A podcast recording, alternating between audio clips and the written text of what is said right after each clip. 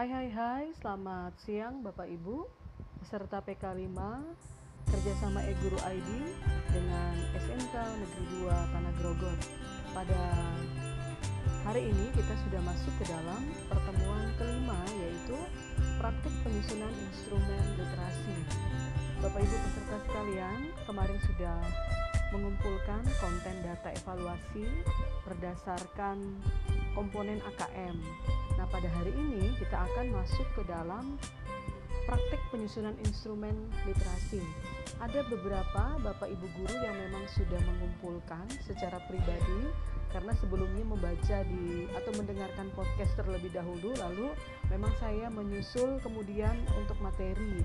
Nah, pada hari ini saya mengkhususkannya untuk metode aural atau auditorial sehingga Bapak Ibu fokus ke dalam atau mendengarkan podcast ini karena materi akan saya bagikan di dalam materi podcast. Kemudian nanti hasil dari kelompok 1 sampai dengan kelompok 7 akan ditelaah oleh uh, tugas-tugas uh, kelompok sehingga nanti kita akan bisa melihat apakah ini sudah masuk di dalam literasi saintifik, apakah ini sudah termasuk di AKM, apakah ini sudah termasuk ke dalam literasi numerasi dari contoh soal atau asesmen yang Bapak Ibu sudah susun kemarin.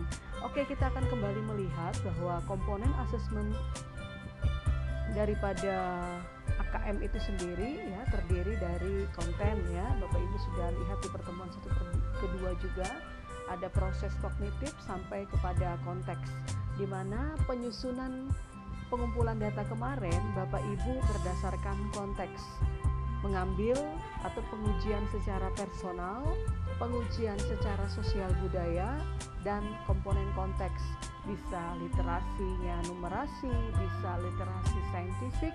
Saya melihat sudah keren-keren hasil uh, pekerjaan uh, Bapak Ibu mulai dari kelompok 1 sampai dengan kelompok 7 ada juga yang mengumpulkan secara pribadi kemarin tugasnya nah pada hari ini kita kembali mengingat lagi Bapak Ibu untuk komponen AKM sendiri ada namanya konten karena ada konten ini berdasarkan ujian atau menguji beragam teks yang ada.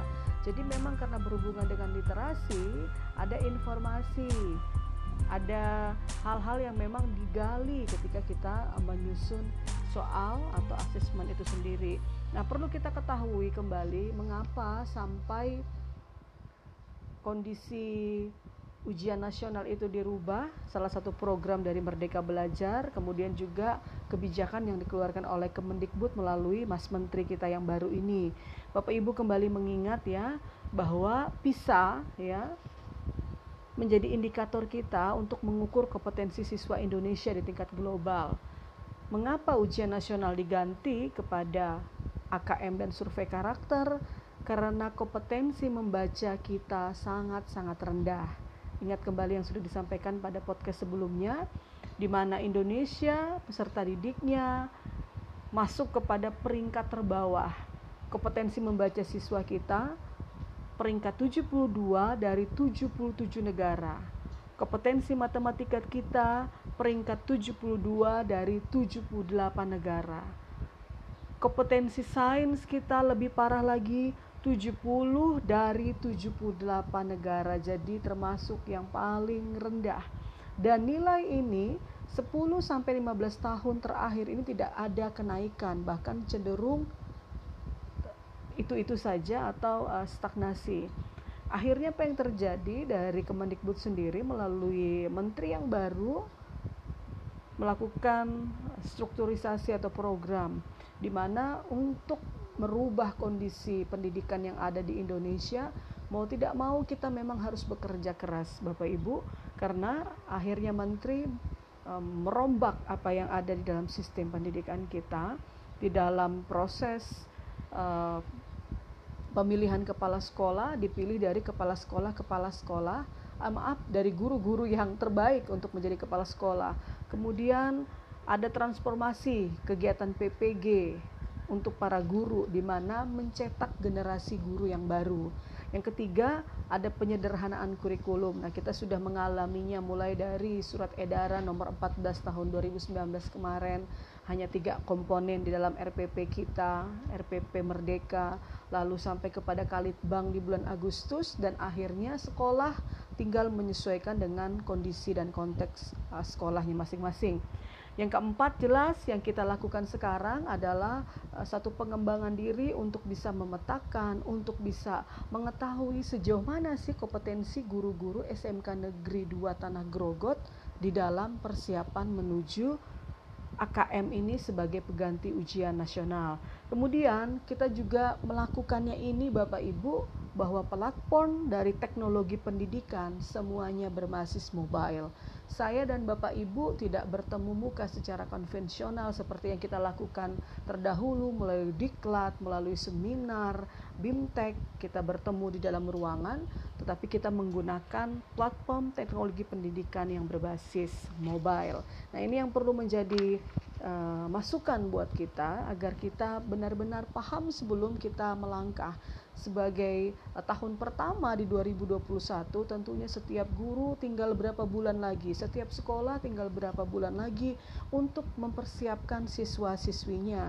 Di mana siswa-siswi yang dipilih itu secara random di setiap sekolahnya. Tidak semua siswa-siswi.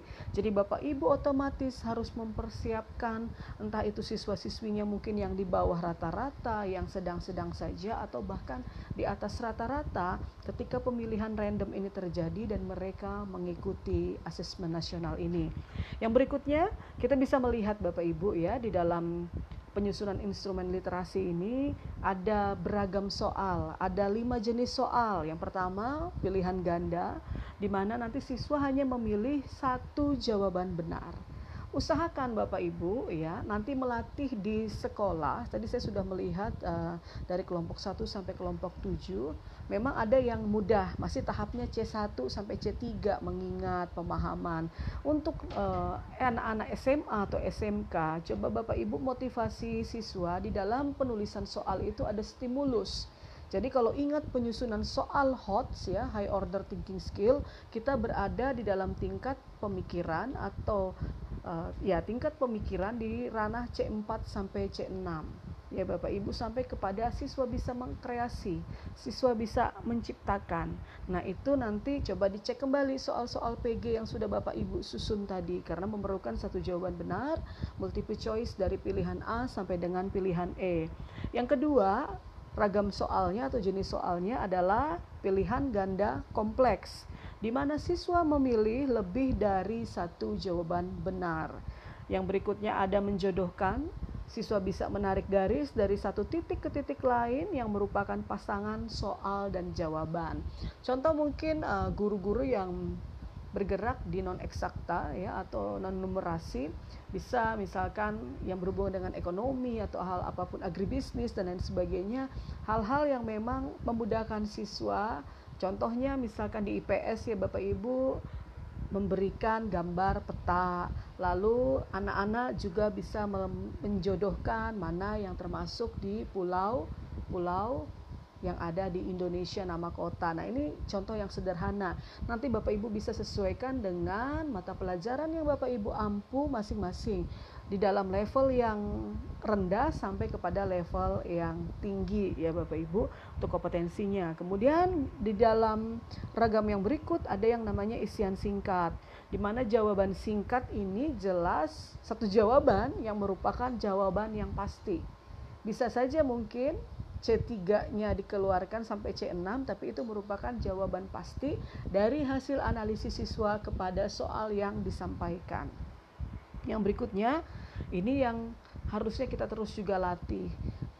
Kalau di bangku SD dan uh, SMP ya tingkat SD dan SMP ada penilaian tengah semester banyak yang memudahkan ya sudah uh, kalau di guru-guru binaan saya ambil yang PG kalau saya secara pribadi dari dulu senangnya itu uraian Bapak Ibu ketika juga masih mengajar karena di situ kita akan bisa melihat bagaimana daya tangkap siswa dan capaian belajar siswa ketika kita tahu siswa kita mengeluarkan ide-ide, siswa kita merespon akan apa yang sudah mereka pelajari sekaligus kita tahu sejauh mana keterampilan berliterasi mereka. Itu ya Bapak Ibu. Jadi yang diperhatikan ini lima jenis soal yang akan Bapak Ibu susun pada bagian praktik di pertemuan kelima ini. Dan untuk AKM itu sendiri, ketika siswa menjawab benar, nanti jawabannya itu muncul yang berikutnya adalah jawaban yang lebih kompleks atau tingkat kesukarannya lebih uh, tinggi. Tetapi sudah di diberikan atau dipaparkan oleh Mas Menteri bahwa sebenarnya tidak ada yang sulit. Jadi itu mengukur sejauh mana memang kemampuan siswa di dalam hal berliterasi. Nah, seandainya jawaban siswa itu salah, ya Bapak Ibu akan mendapatkan soal yang lebih sederhana. Ketika SMK 2 Tanah Grogot mempraktekkan persiapan asesmen kompetensi minimum dan survei karakter ini, nanti tentunya berdayakan bank soal yang Bapak Ibu miliki dan melevelkan soal-soal mana tingkatan-tingkatan mana yang akan dicapai oleh siswa-siswi peserta didik di SMK 2 Tanah Grogot. Contohnya, Bapak Ibu bisa menyimak apa yang saya sampaikan. Literasi uh, saintifik ya. Literasi saintifik ini saya sudah melihat di soal-soal Bapak Ibu luar biasa soal-soal yang sudah disampaikan oleh Bapak Ibu tadi. Uh, sudah yang berhubungan dengan saintifik ini sudah cukup banyak sehingga bisa dikatakan sebenarnya sudah lumayan untuk uh, memahami apa yang akan kita persiapkan menuju asesmen nasional 2021 tentang literasi saintifik yang kita perlu ketahui ada seorang ahli namanya Paul de Harthout pada tahun 1998 mengatakan bahwa literasi saintifik ini merupakan kompetensi yang diperlukan oleh setiap warga negara untuk berpikir rasional. Tentang apa?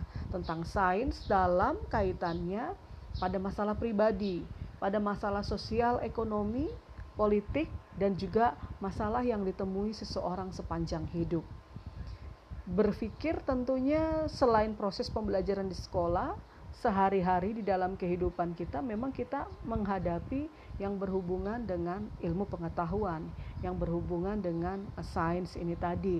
Ingat ke-13 dicanangkan di 2013 dalam penilaian saintifik anak-anak mulai dari mengamati sampai dengan memaparkan hasilnya. Ingat Bapak Ibu 5M tadi itu berhubungan dengan saintifik atau literasi saintifik ada kecakapan hidup abad 21 4C ya 4C tadi. Lalu ada bagaimana tingkat berpikir siswa peserta didik kita high order thinking skill. Apakah masih di dalam mods lots ataukah sudah HOTS? Proses pembelajaran yang disampaikan Bapak Ibu di sekolah capaian belajar Bapak Ibu karena tadi masalah ujian nasional ini kan berhubungan dengan kompetensi nilai anak-anaknya diukur dengan nilai. Tapi yang terjadi di lapangan kita berlomba-lomba untuk menaikkan uh, sekolah kita ya seperti apa kondisinya dengan berbagai macam cara agar nilai ujian nasionalnya tinggi. Nah, ini yang akan menjadi perhatian uh, kita semua bahwa di asesmen nasional tidak akan seperti itu lagi karena betul-betul harus ada cetak biru di dalam dunia pendidikan Indonesia.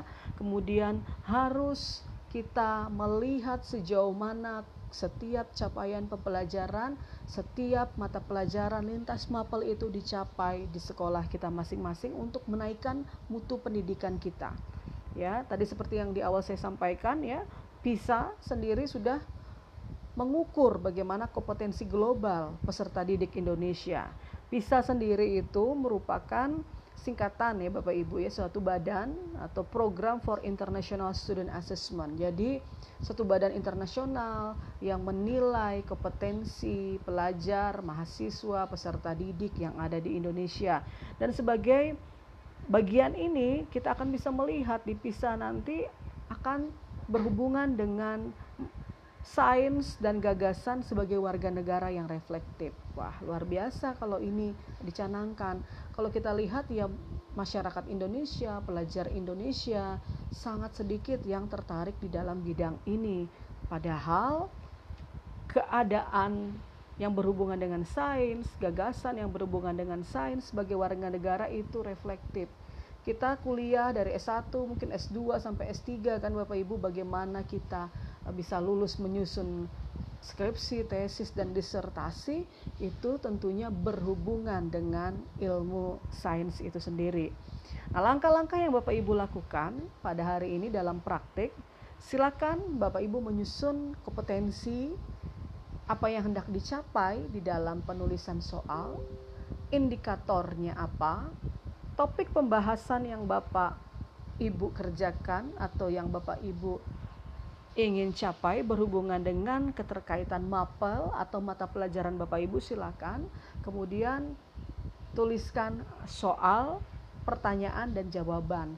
Kalau bentuk soal yang kemarin memang saya lihat memang dalam bentuk soal ya Bapak Ibu hanya soal tok tidak ada saya melihat kompetensi indikator topik sampai kepada jawaban sebenarnya yang saya perlukan tanpa saya memberikan uh, saran atau tanpa saya memberikan amanat untuk memberikan jawaban contoh instrumennya seperti itu, saya berharap memang Bapak Ibu menyusunnya mulai dari kompetensi sampai kepada jawaban. Contohnya seperti ini Bapak Ibu, dalam kompetensi ketika siswa kita ajak untuk merancang dan mengevaluasi suatu penyelidikan ilmiah.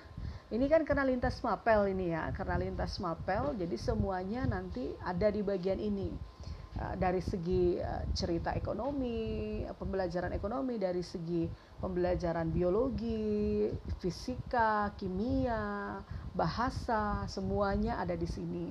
Jadi topik yang akan dibicarakan contohnya seperti ini, penanganan perubahan lingkungan. Isi soalnya seperti ini Bapak Ibu.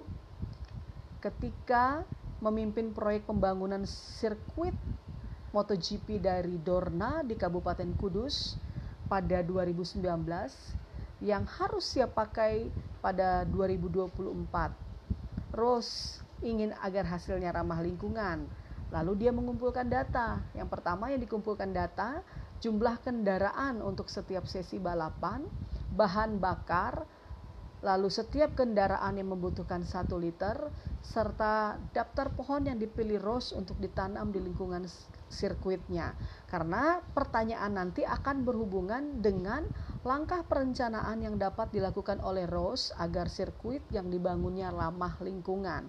Karena berhubungan dengan topik penanganan perubahan lingkungan di mana siswa-siswi Bapak Ibu diajak untuk mengusulkan bagaimana cara bereksplorasi ilmiah terhadap pertanyaan yang diberikan.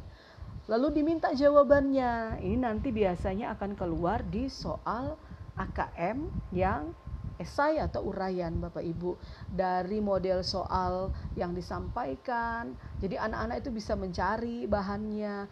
Memang berlatihnya seperti itu ya Bapak Ibu dengan kompetensi pengetahuan yang memang didrill oleh uh, para guru kepada peserta didik. Otomatis motivasi di dalam uh, anak-anak berliterasi dalam membaca itu yang harus uh, dikuatkan dalam hal-hal dasar numerasi itu yang juga harus dikuatkan kepada siswa-siswi Bapak Ibu.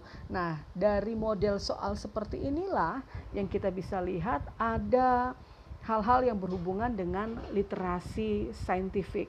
Jadi ada enam bagian yang Bapak Ibu bisa susun nanti ya untuk memperbaiki yang sudah ada. Itu tidak salah yang sudah dikumpulkan sudah sangat bagus dalam bentuk soal tapi alangkah baiknya nanti ditambahkan kompetensi, indikator, topik uh, dan juga jawaban supaya bisa melihat sinkronisasi antara soal yang Bapak Ibu susun serta indikator capaian keberhasilan siswa itu sendiri.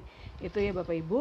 Nah, setelah Bapak Ibu menyusun, silakan Bapak Ibu cek ya apakah asesmen literasi saintifik itu atau asesmen numerasi yang Bapak Ibu susun dalam soal itu telah mencapai kompetensi yang pertama sudah menjelaskan fenomena secara ilmiah. Yang kedua, apakah sudah merancang dan mengevaluasi pendidik, penyelidikan secara ilmiah. Yang ketiga, bisa menafsirkan data dan bukti secara ilmiah. Pasti kembali lagi kepada kompleksitas atau kendala yang dihadapi oleh SMK Negeri 2 Tanah Grogot di mana masyarakatnya adalah kemarin disampaikan kami tinggal di pedalaman Bu 50% berada di perkebunan sawit Memang saya percaya sekolah Bapak Ibu sudah berusaha semaksimal mungkin entah melalui metode, melalui media, melalui strategi pembelajaran untuk bisa menarik minat dan motivasi belajar siswa. Nanti Bapak Ibu otomatis ini guru BK ya akan terus bekerja keras bagaimana cara memotivasi siswa di dalam proses belajar itu sendiri. Nanti uh, buat ibu guru, bapak guru BK ya, minta tolong juga bersinergi dengan guru-guru mapel yang lainnya. Ketika hasil asesmen literasi saintifik ini sudah dikerjakan oleh masing-masing guru yang mengampu mata pelajaran atau lintas mapel yang dibuat, silakan ibu bersama dengan rekan-rekan guru, silakan bapak uh, guru BK bisa mengkorelasikan. Ada nggak sebelumnya sebenarnya antara kecerdasan majemuk siswa yang berbeda-beda dicari digali apa sih yang menjadi kecerdasan mereka dengan kompetensi literasi saintifik. Saya percaya para guru BK sudah memahami berbagai macam kecerdasan yang ini bisa kita susun sebagai bagian dari keistimewaan dalam strategi dan pemetaan belajar Eh, peserta didik di SMK Negeri 2 Tanah Grogot sebagai uh, pengingat jernis kecerdasan berbagai macam. Karena saya uh, lihat kemarin ya tujuh jurusan yang ada di SMK Negeri 2 Tanah Grogot, salah satunya ada perkebunan. Biasanya yang berhubungan dengan ke perkebunan ini ada jenis kecerdasan yang bernama naturalis ada guru seni yang melibatkan pendekatan STEAM di dalam proses pembelajaran. Ada nggak siswa-siswi kita memiliki kecerdasan musikal? Nanti silakan lihat mulai dari interpersonal, intrapersonal, logis, logis ya, verbal, visual, sampai kepada eksistens eksistensial ya silakan Bapak Ibu uh, bisa mengecek bersama dengan guru BP atau guru BK-nya supaya bisa memaksimalkan hal ini. Nah, setelah juga proses asesmen literasi saintifik itu mencapai kompetensinya yang tiga tadi, silakan Bapak Ibu korelasikan lagi dengan komponen-komponen motivasi belajar yang guru BK, guru BP susun. Di dalam motivasi intrinsik, di dalam efikasi diri, di dalam determinasi diri, di dalam motivasi nilai, motivasi karir. Itu ya Bapak Ibu. Jadi silakan nanti memahami apa yang sudah saya sampaikan di dalam podcast ini. Saya akan membagikan setelah podcast ini selesai pekerjaan atau tugas yang harus Bapak Ibu kerjakan. Tugasnya ini adalah tugas pribadi, Bapak Ibu. Tugas pribadi 69 orang peserta ini akan menyusun soal AKM berdasarkan lima varian jenis soal ya lima varian soal mulai dari PG sampai dengan uraian ada beberapa guru yang sudah mengumpulkan kepada saya mungkin tinggal menambahkan dua lagi ya kalau kemarin kebanyakan hanya PG mungkin ditambahkan lagi dari mulai varian yang pilihan ganda pilihan ganda kompleks menjodohkan ya kan? Isian sampai kepada uraian. Silakan Bapak Ibu kerjakan setelah penjelasan ini. Jadi memang langsung kita kepada prakteknya Uh, lihat lagi, cek lagi apakah ada korelasinya yang sudah Bapak Ibu susun lagi tadi berdasarkan kecerdasan majemuk siswa dengan kompetensi literasi saintifik, lalu mengkorelasikan kembali dengan komponen motivasi belajar.